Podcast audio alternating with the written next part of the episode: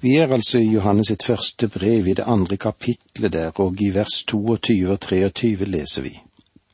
Og hvem er løgneren, om ikke den som fornekter at Jesus er Kristus? Han er antikrist, han som fornekter Faderen og Sønnen. Den som fornekter Sønnen, har heller ikke samfunn med Faderen. Den som bekjenner Sønnen, har også samfunn med Faderen. I det vi går inn i i dag, vil vi se litt på kjennetegnene på den antikristelige innflytelse. Det levende sentrum, hva er det? Jo, det levende sentrum i Guds ord er Jesus. Og når vi har kommet inn på dette som har antikrist å gjøre, så betyr det både mot Kristus og i stedet for Kristus. Hvordan er det med kjennetegnene på den antikristelige villfarelse? Er den det som setter noe annet i stedet for Kristus? Og hvis det er det, så er det en motstander av det som har med evangeliet å gjøre. Og det er vel slik at den som nekter at Jesus Kristus er vår eneste frelser, hva skjer der? Jo, han nekter at det finnes en treenig Gud. Og så har vi på den andre siden det å kjenne Jesus Kristus som frelser. Det er det samme som å kjenne den treenige Gud. Eller slik som vi òg finner det i Matteus 11, 25 til 27. På den tid tok Jesus til orde og sa, Jeg priser deg, Far, himmelens og jordens Herre, fordi du har skjult dette for kloke og forstandige men åpenbart det for enfoldige. Ja, far, for dette var den gode vilje. Alt har min far overgitt til meg. Ingen kjenner Sønnen uten Faderen, heller ikke kjenner noen Faderen uten Sønnen, og den som Sønnen vil åpenbare det for. Og hvem er løgneren, om ikke den som fornekter at Jesus er Kristus? Amikulten og ismen i vår tid har også fornektet hans guddom. Jeg undrer meg på om ikke rockeoperaen Jesus Christ Superstar står i denne tradisjonen. Ikke på noe plan presenterer den Bibelen Jesus som verdens frelser. Ingen steder. Dr. Hocking skrev for mange år siden Gud er i sin verden, men Buddha Jesus, Muhammed, opptrer i sine små avlukker, og vi skal takke dem, men aldri venne oss til dem. Her kan du se at dette er ganske enkelt en, for, en direkte fornektelse av Jesu Kristi guddom. Den som fornekter Faderen og Sønnen, det vil være et sikkert merketegn på Antikristet. Og det er mange antikrister også i dag. Det ser vi i mange sammenhenger. Johannes, han har identifisert antikrist for oss som den som fornekter Faderen og Sønnen. Vi vil se litt mer på vers 23. Der får vi se at du kan ikke fornekte Sønn uten at du samtidig fornekter Faderen. Du forstår at Kristi guddom er vesentlig for at du skal få eie en frelse. For om ikke han er Gud, så kan ikke den mann som døde på et kors for eh, snart 2000 år siden være din frelser. Han kunne ikke engang være sin egen frelser. Ingen av oss som er mennesker, kan dø for noen annen. Men det var nødvendig for Gud for at mennesket, for at du og jeg, at vi kunne finne frem til frelse og forløsning. Det er derfor Johannes sier det på denne måten i vers 23 i kapittel 2. Den som fornekter Sønnen, har heller ikke samfunn med Faderen. Den som bekjenner Sønnen, har også samfunn med Faderen. Når du sier at du tror på Gud og fornekter Kristi guddom, da tror du egentlig ikke på Gud. I alle fall ikke på Bibelens Gud. Bibelens Gud er den som sendte sin sønn til verden for å dø for våre synders skyld. Og siden Sønn er Gud, så er også han den eneste som kunne gi et tilfredsstillende offer for Gud for våre synder. Hvis han hadde vært en annen Gud, ville han selv ha vært en synder. Dette er forhold som vi må være oppmerksomme på, for dette er antikristens ånd. Og jeg vil gjerne si at dette er et så viktig vers at du trenger å lære det utenat og grunne på det både vel og lenge. Den som fornekter Sønn, har heller ikke samfunn med Faderen. Den som bekjenner Sønnen, har også samfunn med Faderen. Vi tar med oss vers 24. La det som dere har hørt fra begynnelsen, forbli i dere. Dersom det dere har hørt fra begynnelsen blir i dere, vil også dere være i Sønnen og i Faderen. La det som dere har hørt fra begynnelsen, forbli i dere. Begynnelsen. Ja, i første Johannes sitt brev så går vi tilbake til Kristi inkarnasjon det som dere har hørt fra begynnelsen. Det som dere hørte angående Hans komme som menneske. Det som dere hørte angående Hans liv. Det som dere har hørt angående Hans død og oppstandelse. Med andre ord, det som de hadde hørt fra begynnelsen da apostlene begynte å forkynne evangeliet. Dersom det dere har hørt fra begynnelsen blir i dere, vil også dere være i Sønnen og Faderen.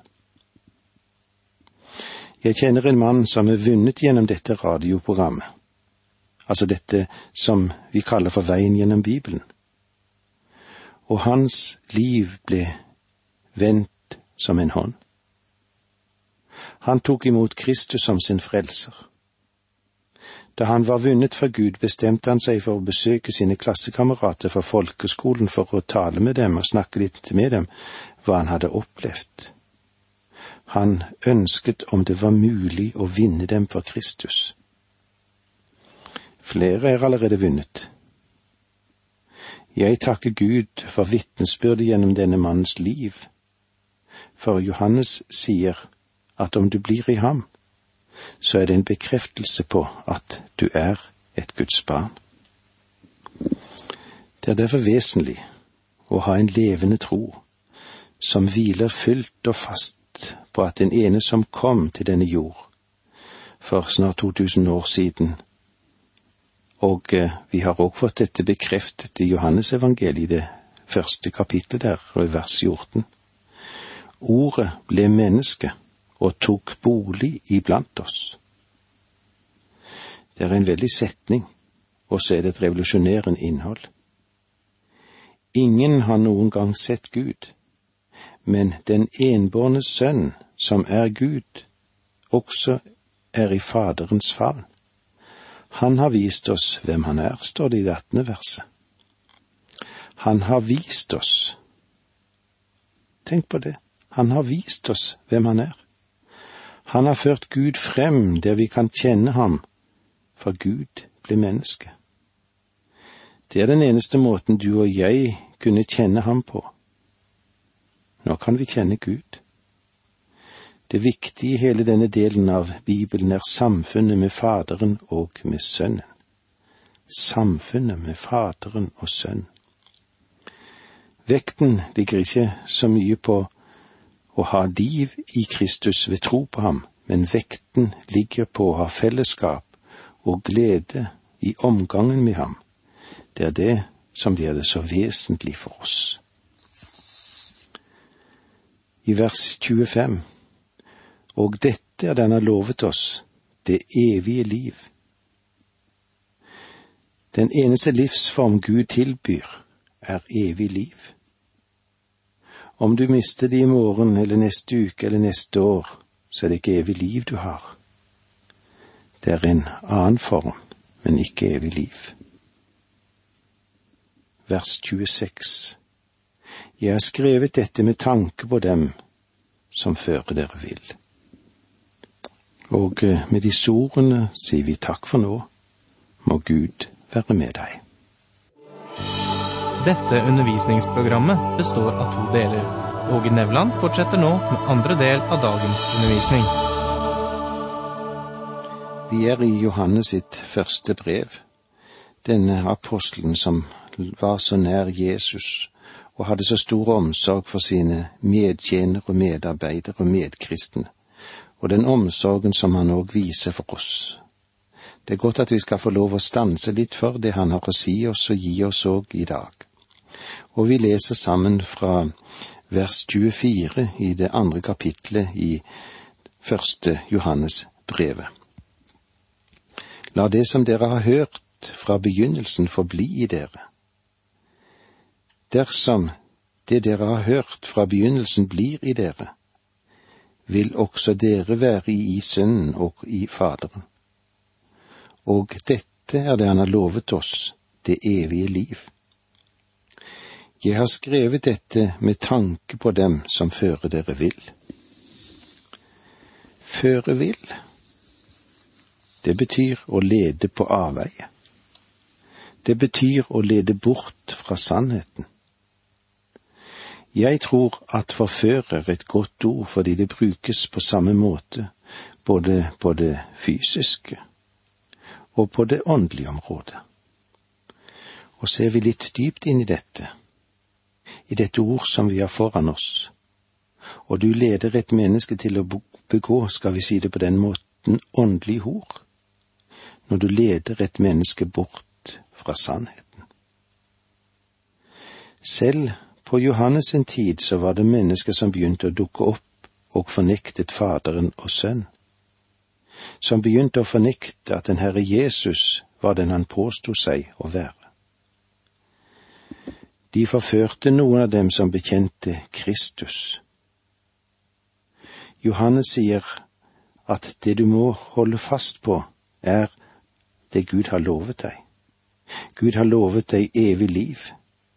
Han har lovet deg evig liv om du tror på Kristus. Og så trenger ikke du legge noe, noe annet til. Johannes fortalte de han skrev til at de ikke trengte det gnostistiske og det de hadde å lære. Gnostikkerne, de lot som om de hadde en overnaturlig kunnskap, at de hadde noe og kjente til noe mer enn alle andre. Og det finnes også en virkelig fare i dag for denne falske gnostisisme. Kristne som bekjenner at de har en åndelig kunnskap, som stiller alle andre i skyggen, som er kommet på et nivå der få eller ingen andre står. En slik posisjon, den er meget farlig å komme inn i, for om du lærer Kristus å kjenne, så begynner du å vokse i nåde og kunnskap og kjennskap om ham, og så vil du få den samme erfaringen som døperen Johannes hadde han uttrykte det på denne måten i Johannes 3,30. Han, altså Kristus, skal vokse, men jeg skal avta. La meg få bekjenne noe for deg, og jeg håper at du holder det innenfor familien. Ja, hvor vanskelig er dette å få til, da? Sett fra en side er det litt for uroligende for meg at min gransking av Guds ord ikke åpenbarer hvor mye jeg vet, men den åpenbarer heller hvor mye jeg ikke vet, og om hvor sløv jeg har vært med å ta til meg Guds ord.